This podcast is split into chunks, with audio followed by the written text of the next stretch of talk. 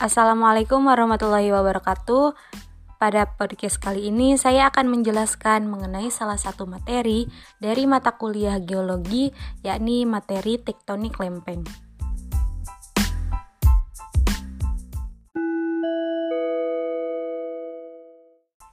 Bumi merupakan planet yang paling indah yang di dalamnya terdapat kehidupan, gunung-gunung, manusia, hewan dan tumbuhan serta lingkungan alam yang saling berinteraksi satu sama lain. Permukaan bumi yang menarik tersebut dibentuk oleh proses-proses tektonik yang sangat lambat, seperti pengangkatan, sedimentasi, erosi, dan pengaruh-pengaruh suhu serta tekanan yang merubah bentuk muka bumi dari waktu ke waktu. Banyak sekali ahli yang mencetuskan tentang teori lempeng tektonik. Di antaranya adalah teori continental drift, teori convection current, dan teori Floor Grow. Lempeng-lempeng tektonik di bawah permukaan bumi bersifat dinamis. Pergerakan lempeng tektonik dibagi menjadi tiga, yakni divergen, konvergen, dan transvalform. Akibat dari pergerakan lempeng tersebut, akan menghasilkan punggungan tengah samudera, palung laut, gempa bumi, dan aktivitas vulkanisme. Berbicara tentang aktivitas vulkanisme, tidak akan terlepas dari yang namanya magma. Magma terkonsentrasi di dalam lapisan interior bumi, yakni lapisan astenosfer magma akan berusaha keluar dari lapisan astenosfer dengan beberapa cara.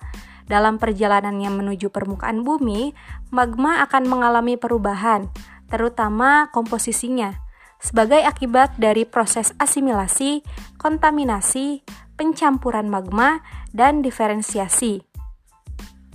Perubahan awal yang terjadi pada magma pada proses perjalanannya menuju permukaan bumi adalah menjadi mineral. Mineral merupakan benda padat yang bersifat homogen yang terdapat di alam, mempunyai komposisi kimia terbatas, dan terbentuk secara anorganik. Setelah berubah menjadi mineral, lalu mineral tersebut berubah lagi menjadi batuan. Batuan diklasifikasikan menjadi tiga, yakni batuan beku, batuan sedimen, dan batuan metamorf.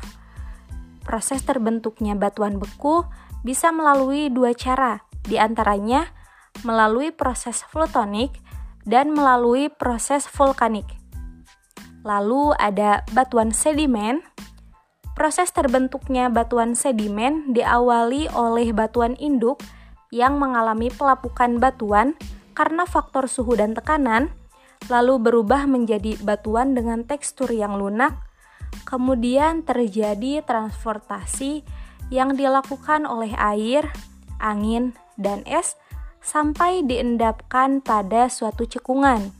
Setelah diendapkan, terjadi proses litifikasi, sementasi, dan kompaksi. Akhirnya terbentuk batuan sedimen dengan berbagai jenis. Dan yang terakhir, ada batuan metamorf atau sering kita kenal dengan sebutan batuan malihan. Jenis batuan malihan dibagi menjadi tiga. Yang pertama, batuan metamorf kontak atau termal. Kedua, batuan metamorf dinamo. Dan yang ketiga, batuan metamorf dinamo termal. Akibat dari pengaruh tekanan dan suhu yang tinggi, menyebabkan batuan metamorf menjadi padat dan keras. Sekian pemaparan materi yang bisa saya sampaikan. Wassalamualaikum warahmatullahi wabarakatuh.